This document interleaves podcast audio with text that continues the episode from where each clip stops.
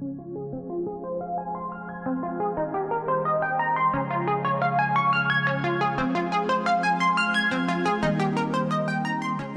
u Janoszuk.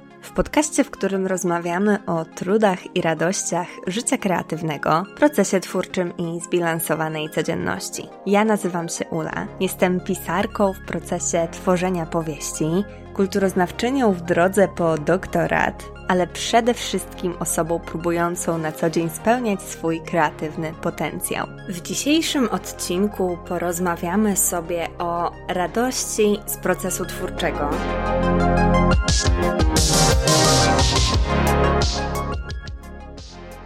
Mam wciąż nieodparte wrażenie, że mimo nieustannej pracy nad tą dobrą relacją z kreatywnością, mimo tego, że coraz częściej słyszy się o rozprawianiu się właśnie z tymi szkodliwymi mitami, na przykład samotnego geniusza, albo mitami wielkiego twórczego sukcesu, wciąż gdzieś ta pozytywna, radosna, dziecięca wręcz relacja z kreatywnością nie osiąga tego swojego pełnego potencjału.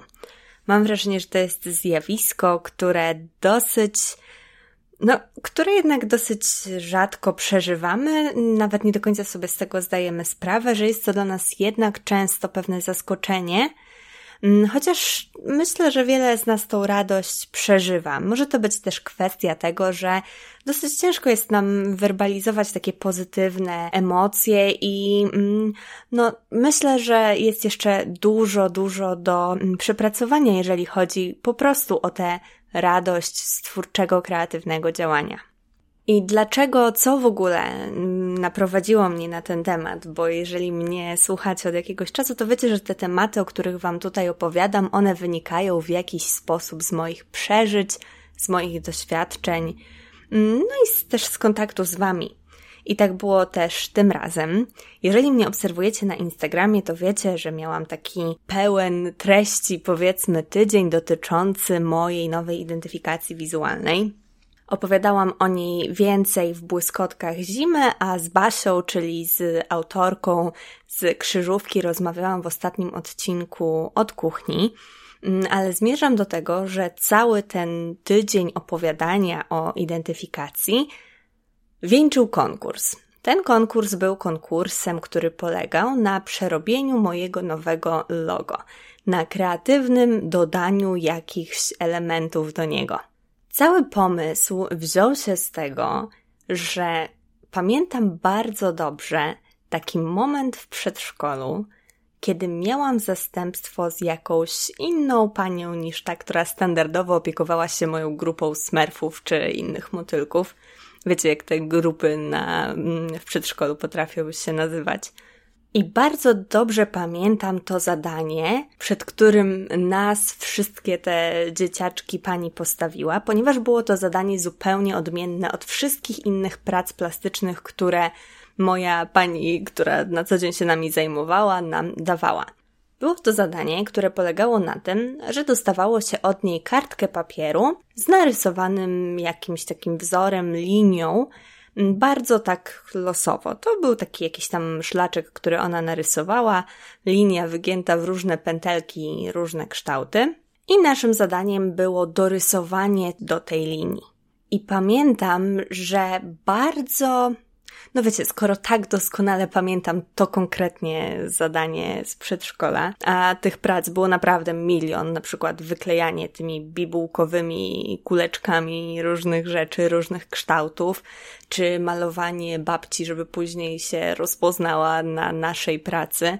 Moja babcia nie rozpoznała się na naszej pracy, może dlatego, że narysowałam ją w żałobie, a mm, bo akurat umarła niedawno jej mama, E, no, ale że nie użyłam czarnej, tylko brązowej kredki, to babcia w ogóle jakby nie, nie przyjęła tego do wiadomości, powiedzmy, nie rozpoznała.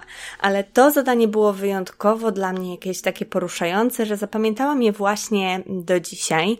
I kiedy z Basią zastanawiałyśmy się nad tym, w jaki sposób można by było też Was zaangażować do tego procesu kreatywnego, do tego um, przyjmowania identyfikacji wizualnej nowej, no to wpadłam właśnie na pomysł, żeby wykorzystać to w ten sposób. I prace, y, które zrobiłyście, zrobiliście, robiąc screeny tej planszy i dodając na swoje stories, no przerosły moje najśmielsze oczekiwania. Naprawdę byłam bardzo poruszona tym, ile osób przerobiło ten mój logotyp i na jak fantastyczne sposoby.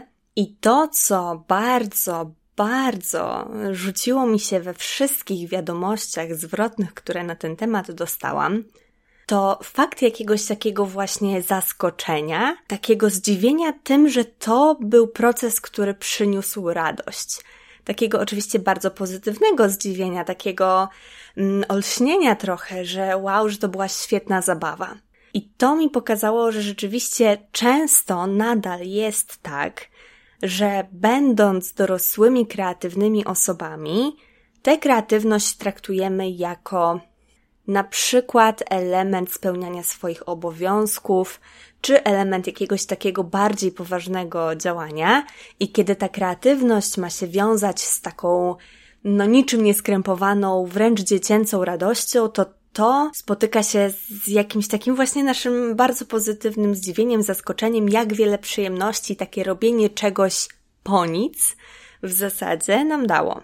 No oczywiście nie do końca po nic, bo nagroda w tym konkursie, w tej zabawie była, ale myślę, że nie skłamię, że nie naciągnę za bardzo prawdy, kiedy powiem, że sam ten proces, sama ta kreatywna zabawa była dla Was w pewnym sensie nagrodą i była pewną przyjemnością. Dlatego zdecydowałam się wziąć dziś na warsztat kilka rzeczy, które moim zdaniem w taki najbardziej podstępny, dosadny i częsty sposób nam tę radość z kreatywności odbierają.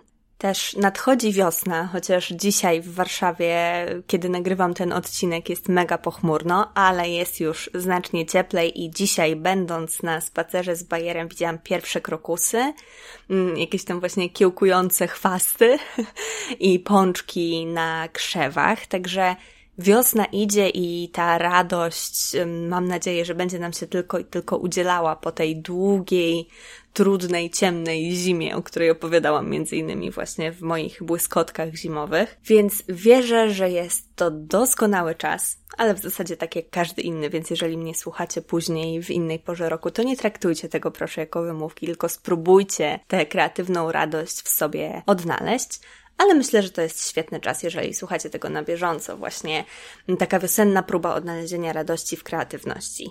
Więc po tym przydługim wstępie, ale myślę, że dostatecznie dobrze uzasadniłam Wam potrzebę nagrania tego odcinka. Uważam, że on jest naprawdę potrzebny. Przejdźmy do tych rzeczy, które nam radość z kreatywności odbierają. I zacznijmy od rzeczy, która była przez bardzo długi czas głównym źródłem mojego braku radości, z kreatywności, stworzenia, źródłem też mojego jednego z największych kryzysów twórczych w całym moim życiu. Kilku lat bez pisania, a pisanie jest moją formą wyrażania się, która daje mi wiele radości z reguły, a wtedy właśnie nie dawała. Przez to, że mm, to jest jeden z powodów, o drugim powiem chwilę później przez presję sukcesu. Ja jestem osobą ambitną. Jestem osobą, która bardzo mocno, kiedy zaczyna jakiekolwiek przedsięwzięcie, to już w głowie widzi, że odbiera Nobla w dziedzinie, którą właśnie dopiero co zaczyna. Ja jestem taką osobą, która bardzo mocno myślała, bo teraz to już się trochę zmieniło, sukcesem. Nagrałam cały osobny odcinek o tym, jak radzić sobie z ambicją, bo to jest coś, co musiałam mocno, mocno wypracować. Mm, to nie jest tak, że ambicja równa się presja sukcesu, ale ambicja, e, takie podchodzenie do rzeczy, że wszystko albo nic, że trzeba osiągnąć 100%, bo inaczej coś się nie liczy, jest bardzo prostą drogą do tego, żeby właśnie nałożyć na siebie tę presję sukcesu, przez co sprawić, że nie doceni się samego procesu kreatywnego. To jest jedna z głównych rzeczy, jeden z głównych postulatów, które tutaj ostatnio w moim podcaście forsuję i staram się Wam nieustannie o tym przypominać, że proces kreatywny to jest proces, nie efekt. I skupiając się, pozwalając, by presja sukcesu nas zjadała, by siadając do tego kreatywnego tworzenia, kreatywnego działania, pierwsze, co przychodzi nam do głowy, to to, jak wielkie sukcesy potencjalnie możemy osiągnąć. Być może dla części z Was to jest motywujące, dla mnie to było bardzo demotywujące i sprawiało, że ta droga, którą musiałam przejść, wydawała się być przykrym obowiązkiem. A to nie jest tak, że w kreatywności ta droga powinna być tylko drogą do celu, a nie drogą samą w sobie.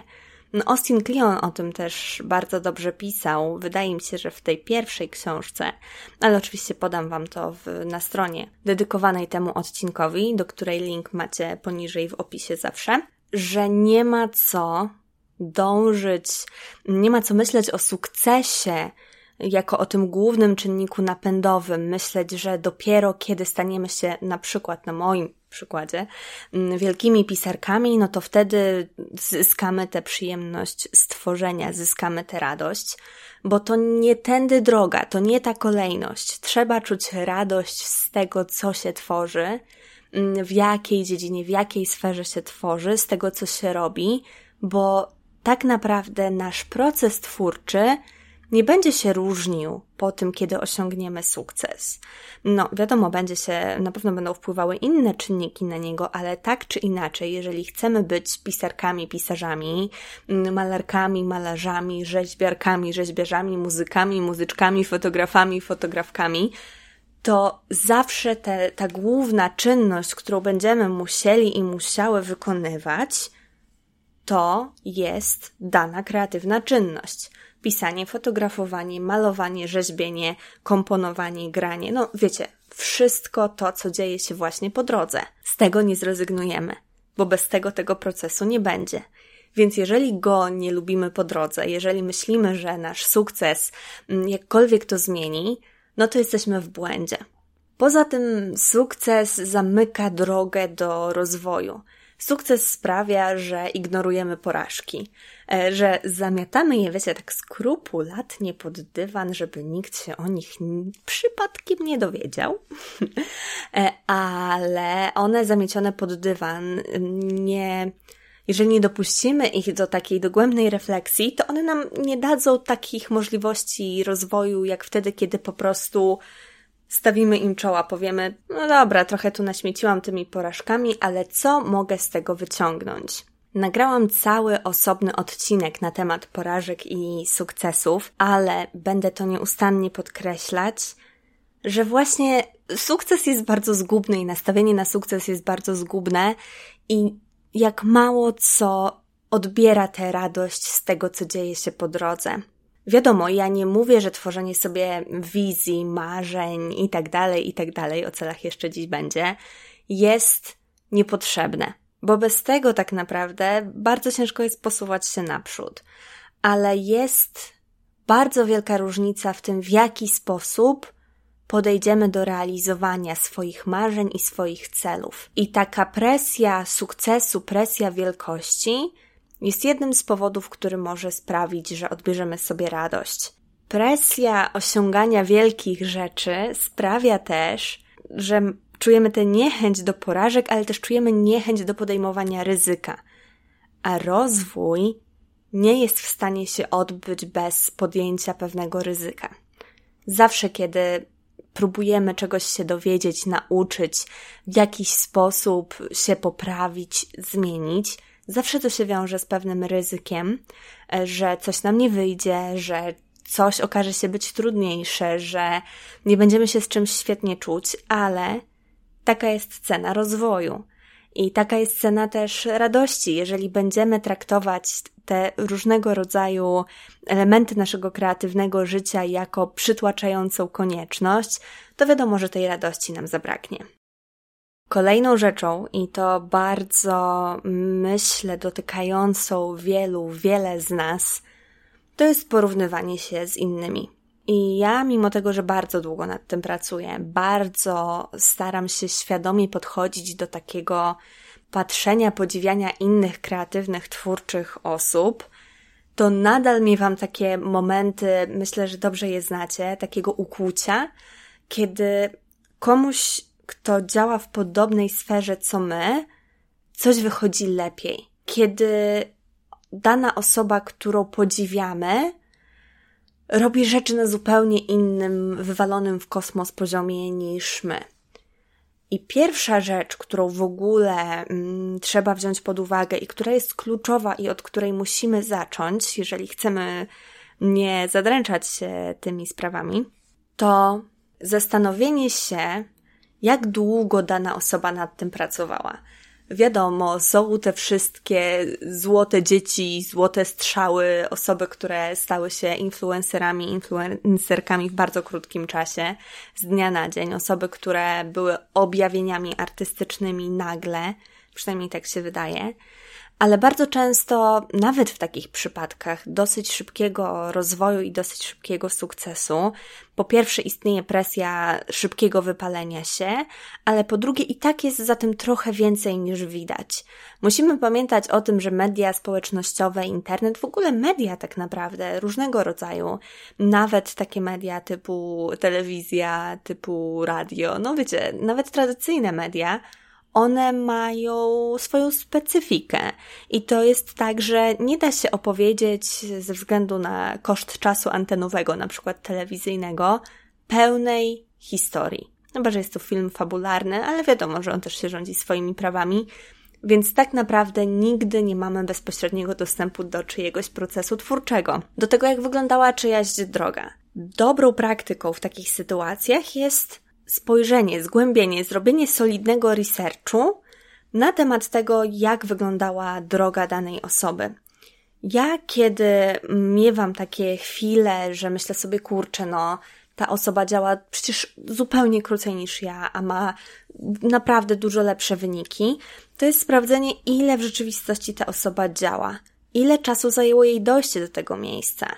I akurat media społecznościowe są dobre, bo my rzadko kiedy usuwamy te najdawniejsze wpisy na Instagramie na przykład. Jeżeli zjedziecie na koniec mojego Instagrama, on chyba sięga aż czasów końcówki mojego liceum, to zobaczycie, że zupełnie inaczej to wszystko wyglądało niż wygląda teraz.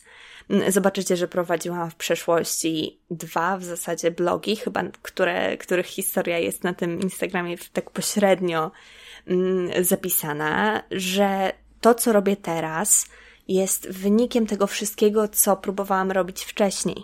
I lubię właśnie sobie zaglądać do tych osób, które podziwiam, żeby sprawdzić, jak długo im to zajęło. I bardzo jestem wdzięczna takim osobom, jeżeli one się bezpośrednio dzielą, mówiąc: Słuchaj, no, mi zbudowanie takiego biznesu zajęło 3 lata.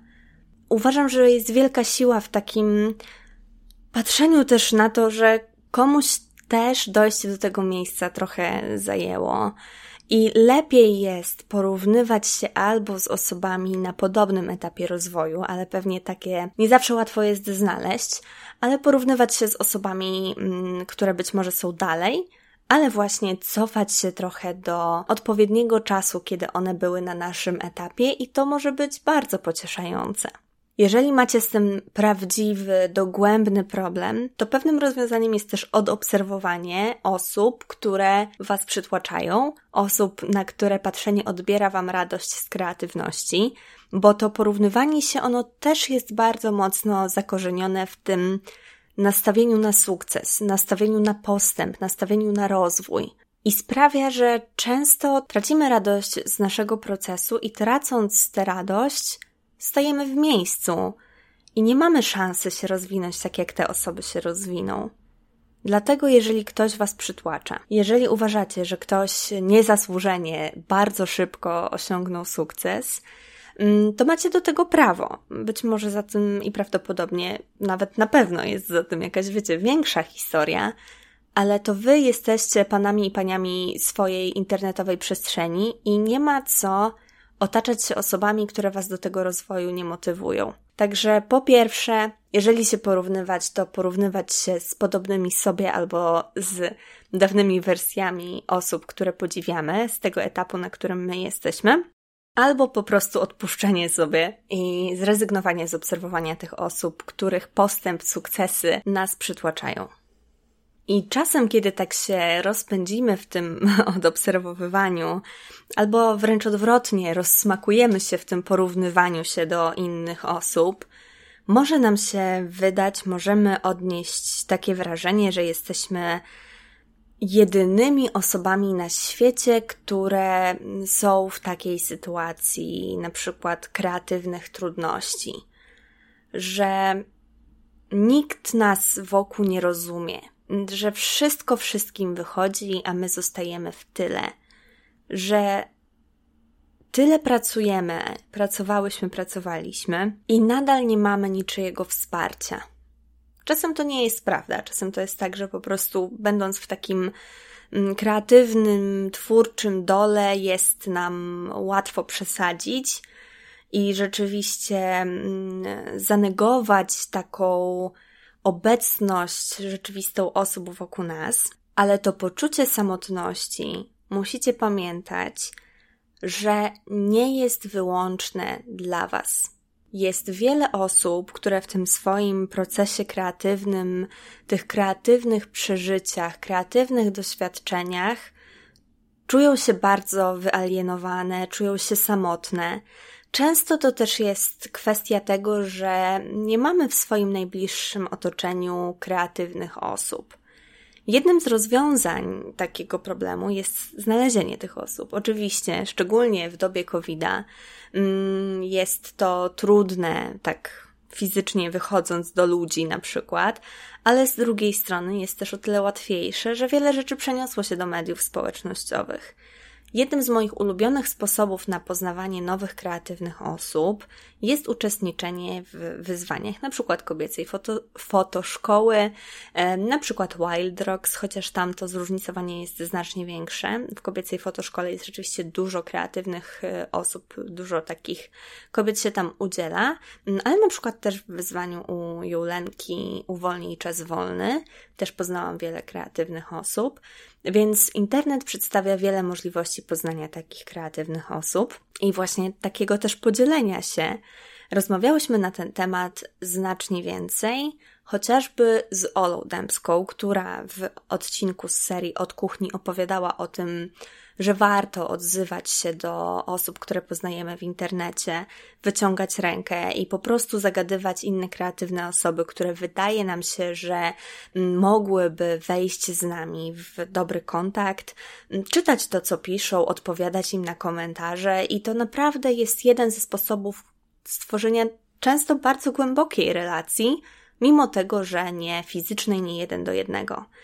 O tym poczuciu samotności w byciu osobą kreatywną opowiadała też y, Ania z Rekwizytornia and Company, też w odcinku z serii od kuchni, że dla niej to jest też spory problem. Ta nie, niemożność y, znalezienia w swoim otoczeniu osób, które by rozumiały to, czym ona się zajmuje. I tutaj dochodzę też do pewnego y, sedna, do kolejnego punktu, czyli do tego, że ja bardzo się staram być taką waszą towarzyszką w samotności, no właśnie towarzyszką przełamującą samotność, tymi podcastami i moją działalnością w internecie, na Instagramie także, do którego oczywiście link macie zawsze w opisie do tego odcinka na platformie, na której słuchacie. Ja tam nie dość, że pokazuję swoją codzienność, to staram się wchodzić z Wami w interakcję ale też te odcinki od kuchni, które tworzę, no, uważam, że jest w nich wielka siła, ponieważ dzieląc się naszym kreatywnym doświadczeniem, też tym, co nas boli, nie tylko tym, co nas cieszy, jesteśmy w stanie zrozumieć, że inne kreatywne osoby borykają się z podobnymi kreatywnymi problemami co my. A co się z tym wiąże, to fakt, że kiedy zrozumiemy, że jest nas więcej, to ta samotność, która jest jednym, z, myślę, wielkich źródeł odbierania nam radości z procesu kreatywnego, ona jest trochę tak lepiej okiełznana i, i po prostu też rozumiemy, że nie jesteśmy w tym same sami i możemy w tym procesie kreatywnym jakoś współistnieć, tworzyć wspólnotę, tworzyć społeczność także w internecie.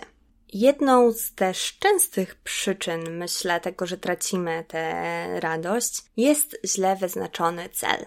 O wyznaczaniu i realizowaniu kreatywnych celów macie cały osobny odcinek, więc tam macie takie moje mm, credo dotyczące kreatywnych celów, taki wielki zbiór tego, co ja myślę, że mm, jest dobre w takim wyznaczaniu sobie kreatywnych celów ale tak pokrótce Wam tutaj podsumuję, że ten źle wyznaczony cel, według mnie, to jest cel, który skupia się na efekcie, który skupia się na sukcesie, a nie na tym, jakie zadania na co dzień możemy wykonywać bo nie jest łatwo napisać arcydzieło, które dostanie Nobla, czy raczej Nikę, no i my kiedyś dostaniemy Nobla w związku z wieloma takimi świetnymi dziełami, bo to nie do końca jest zależne od nas. W sensie, wiecie, no, napisanie książki, która zostanie dobrze przyjęta i mm, dobrze się na przykład sprzeda, to jest kwestia wielu czynników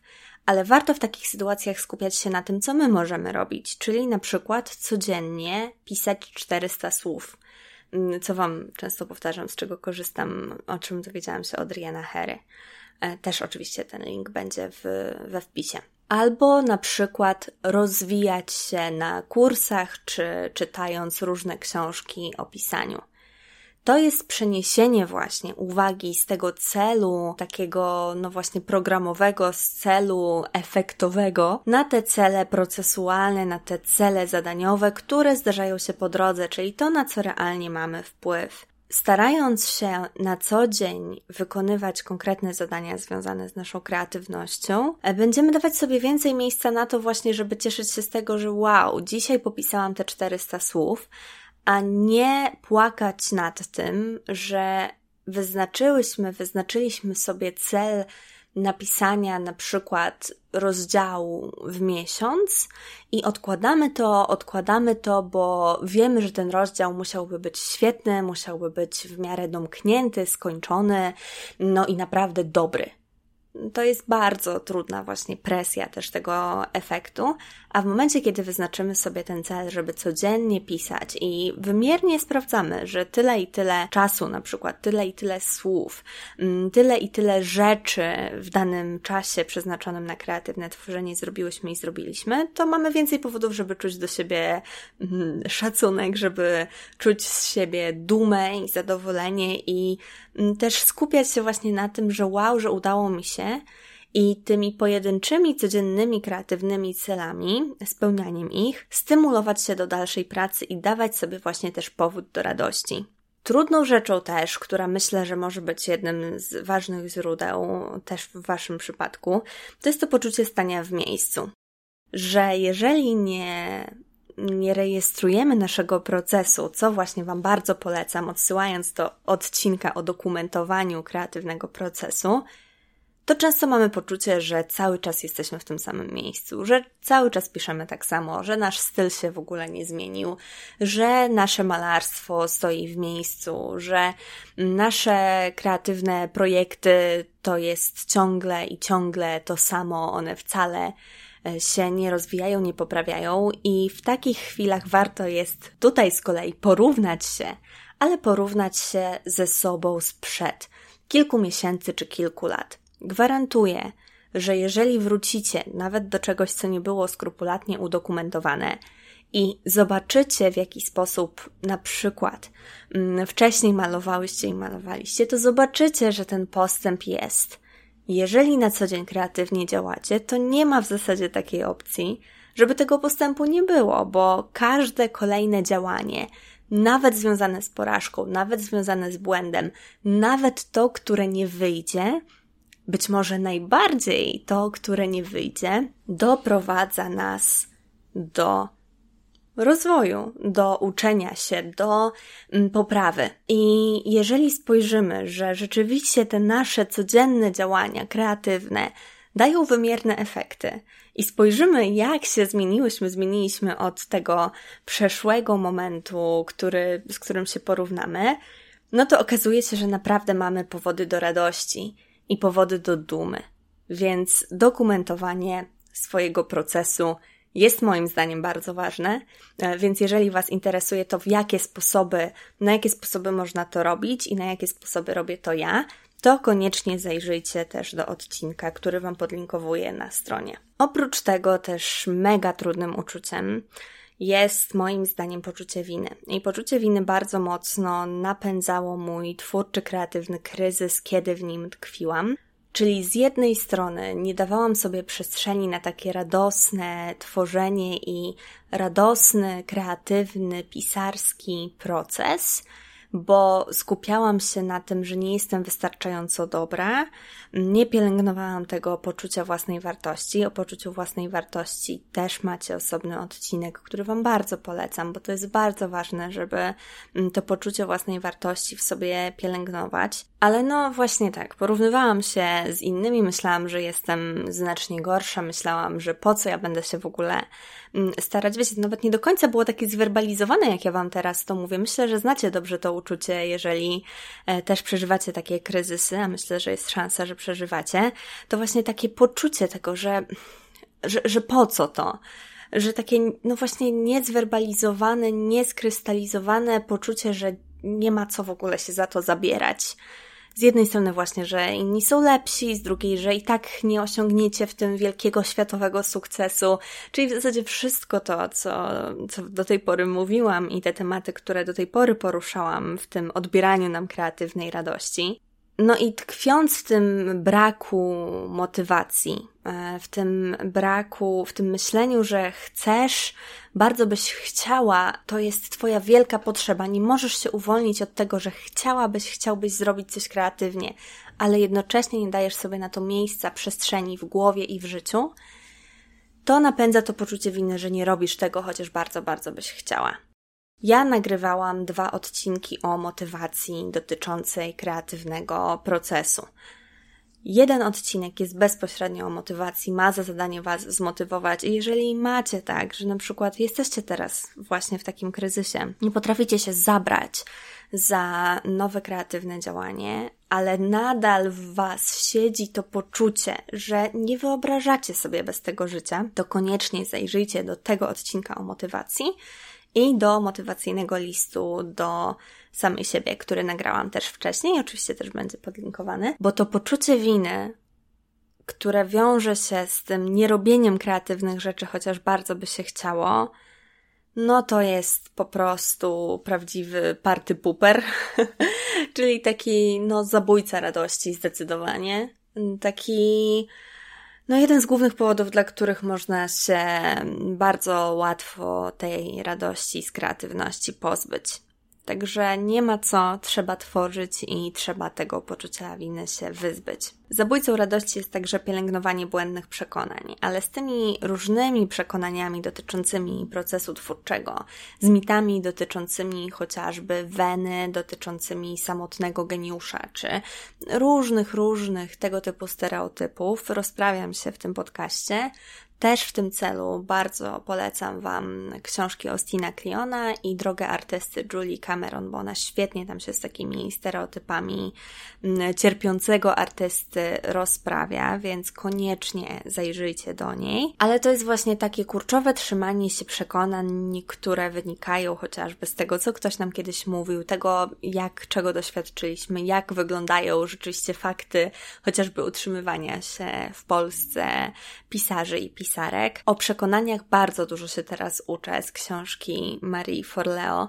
Wszystko da się ogarnąć. Na pewno Wam o tej książce jeszcze i o przekonaniach więcej opowiem, kiedy tę książkę przejdę i przepracuję, bo to jest książka, która też zawiera w sobie ćwiczenia, ale widzę już, chociaż taki typowy coaching jest mi bardzo daleki, to widzę, że ten coaching Marii jest bardzo do mnie przemawiający, także na pewno o przekonaniach porozmawiamy sobie jeszcze więcej, ale warto sobie mm, skonfrontować te przekonania z, z, własnym, z własnym podejściem, zastanowić się właśnie w zasadzie na czym polega mm, to nasze podejście, na jakich przekonaniach, skąd te przekonania się biorą, w jaki sposób one w nas powstały, czy nie są przypadkiem głosami osób z naszego najbliższego otoczenia z przeszłości, które nam mówiły, że mm, artysta zawsze jest biedny, chociażby i skonfrontować to z przykładami chociażby osób, które sobie świetnie na tym polu radzą, porównać, być może właśnie też popracować, czy to z książką Marii, czy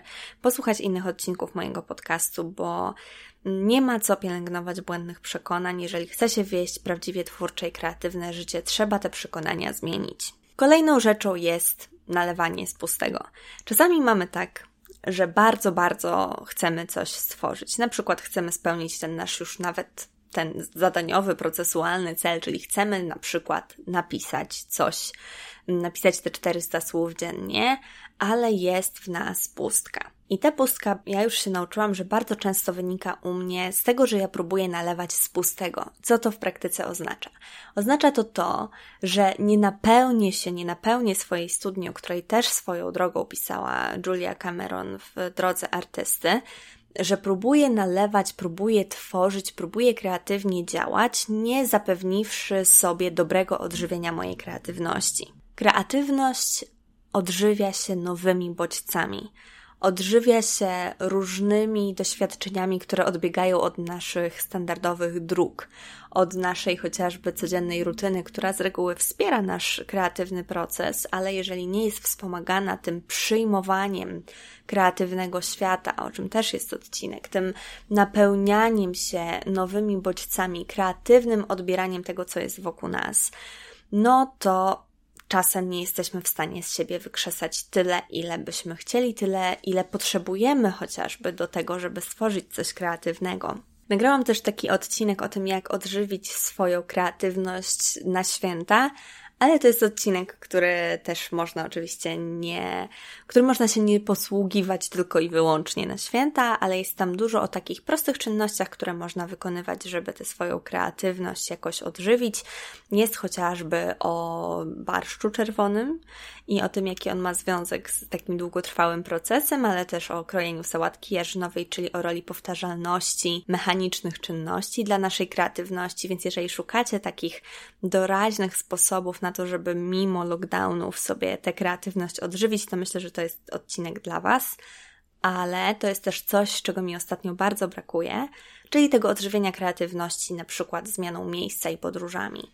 Podróże są bardzo ważną częścią napełniania mojej kreatywności i bardzo żałuję, że są w tym momencie tak utrudnione. Cieszę się, że chociażby na święta wielkanocne pojadę do mojego domu rodzinnego i tam trochę zmienię środowisko od tego warszawskiego mieszkania.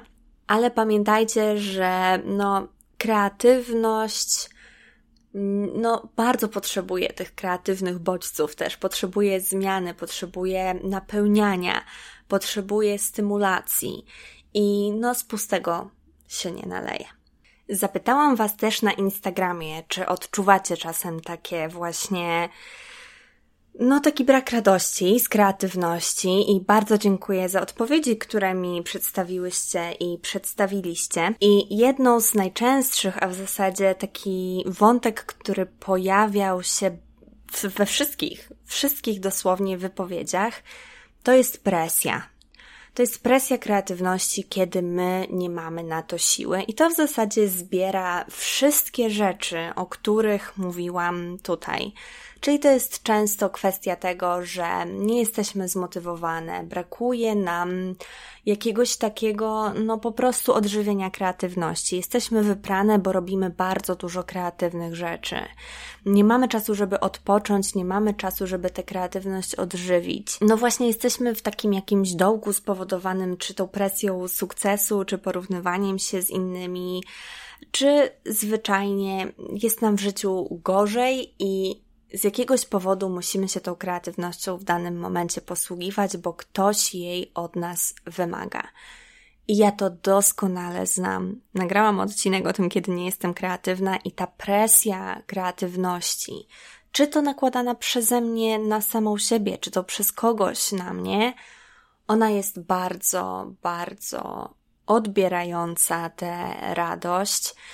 No i tutaj trochę, wiecie, przychodzi taki problem, że nie zawsze jesteśmy w stanie nie zrobić czegoś, y, co tej naszej kreatywności wymaga, ale na pewno to, co warto w takiej sytuacji zrobić, no to też sobie trochę tę kreatywność planować. Ja wiem, że kreatywność kojarzy się właśnie często z radością i spontanicznością, ale warto sobie mm, tak dosyć solidnie zaplanować te mm, etapy, te momenty, te, e, te projekty różne kreatywne, które mamy. To znaczy spróbować jakoś rozłożyć sobie pracę nad różnymi projektami, tak żeby one się na przykład zazębiały, żeby móc odpoczywać od jednego pracując przy innym, ale też, co mega ważne, to w ogóle odpoczywać, to w ogóle dawać sobie ten czas na to napełnianie, zarybianie stawu, jak to Julia mówi. To nie jest proste. I ja zdaję sobie z tego sprawę, bo pracowałam kreatywnie dla innych w moim życiu. Teraz mam to szczęście, że pracuję kreatywnie głównie dla siebie, chociaż to tworzenie doktoratu jest mega kreatywne i często wiąże się z obowiązkami i często nie mam na nie siły ale no jest to mega trudne, ale no właśnie to, co ja mogę Wam ze swojego doświadczenia poradzić, no to zastanowić się też nad tym, jakie rzeczy sprawiają, że my czujemy tę największą presję i zastanowić się, czy rzeczywiście musimy je wykonywać. E, czy rzeczywiście wykonywanie ich jest warte tego, że z tej kreatywności się, no wiecie, tak opróżniamy, albo że musimy mimo braku tej kreatywnej motywacji, mimo braku tego kreatywnego błysku, z siebie dawać, bo to jest bardzo prosta droga do wypalenia się. No i powiem Wam szczerze, że mnie takie zastanowienie się nad tym, czy rzeczywiście dane kreatywne działanie dla kogoś, działanie pod presją tych wymagań, czy, czy to jest coś, co ja chcę robić i czy to jest coś, co na pewno daje mi właśnie radość i czy to na pewno jest dla mnie ok, sprawiło, że zrezygnowałam z części rzeczy i trochę przewartościowałam swoje życie i trochę przewartościowałam te moje różnego rodzaju kreatywne działania. Na przykład stwierdziłam, że jestem w stanie tej kreatywności pod presją jej wykorzystywania używać w pracy naukowej, pisząc doktorat, pisząc teksty naukowe i w ogóle badając rzeczy, że to jest dla mnie ok, ale takie typowe, kreatywne działania związane z chociażby tworzeniem treści, takich, no, stricte kreatywnych, jak pisanie, czy jak na przykład nawet tworzenie dla Was rzeczy na Instagramie, muszę to robić pod własne wymagania.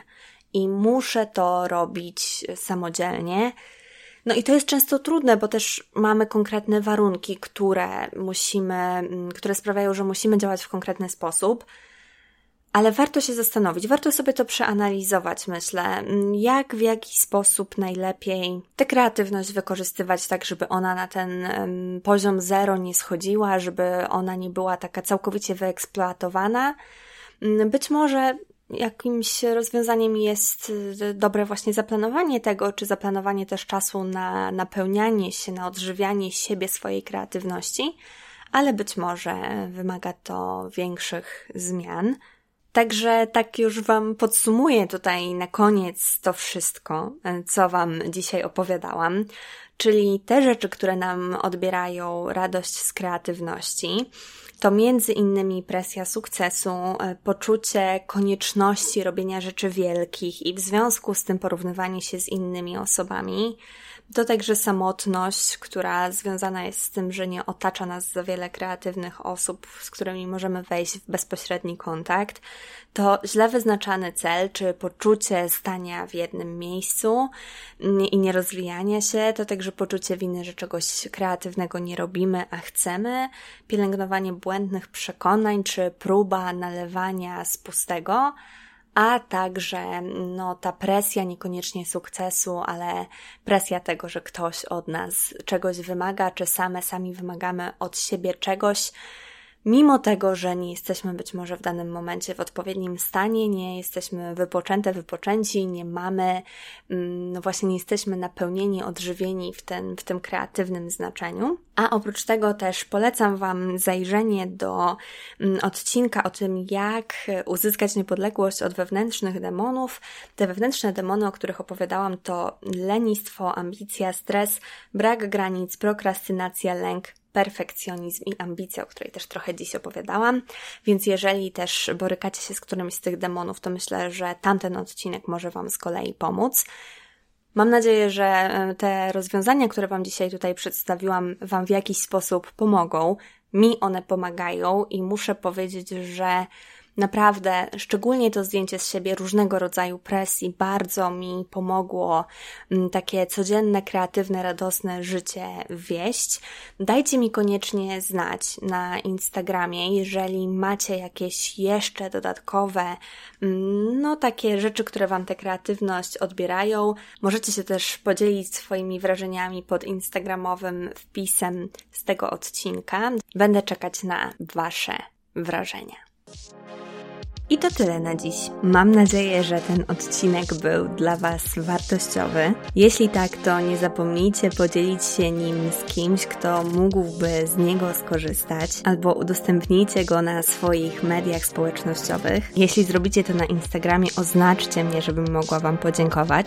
Znajdziecie mnie pod nazwą u podkreśnik Janoszuk. Tam też możecie mnie obserwować, żeby towarzyszyć mi w kreatywnej codzienności, czy po prostu do mnie napisać, żeby podzielić się swoimi spostrzeżeniami spostrzeżeniami. Skontaktować się ze mną możecie też przez adres mailowy witajmałpa.u-janoszuk.pl Odnośniki do wszystkiego, co pojawiło się w rozmowie znajdziecie na stronie dedykowanej temu odcinkowi. Znajdziecie ją w opisie na platformie, na której słuchacie tego odcinka. Moja strona to www.u-janoszuk.pl Mam nadzieję, że do usłyszenia w kolejnym odcinku.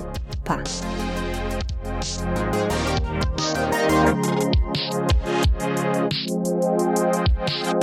Música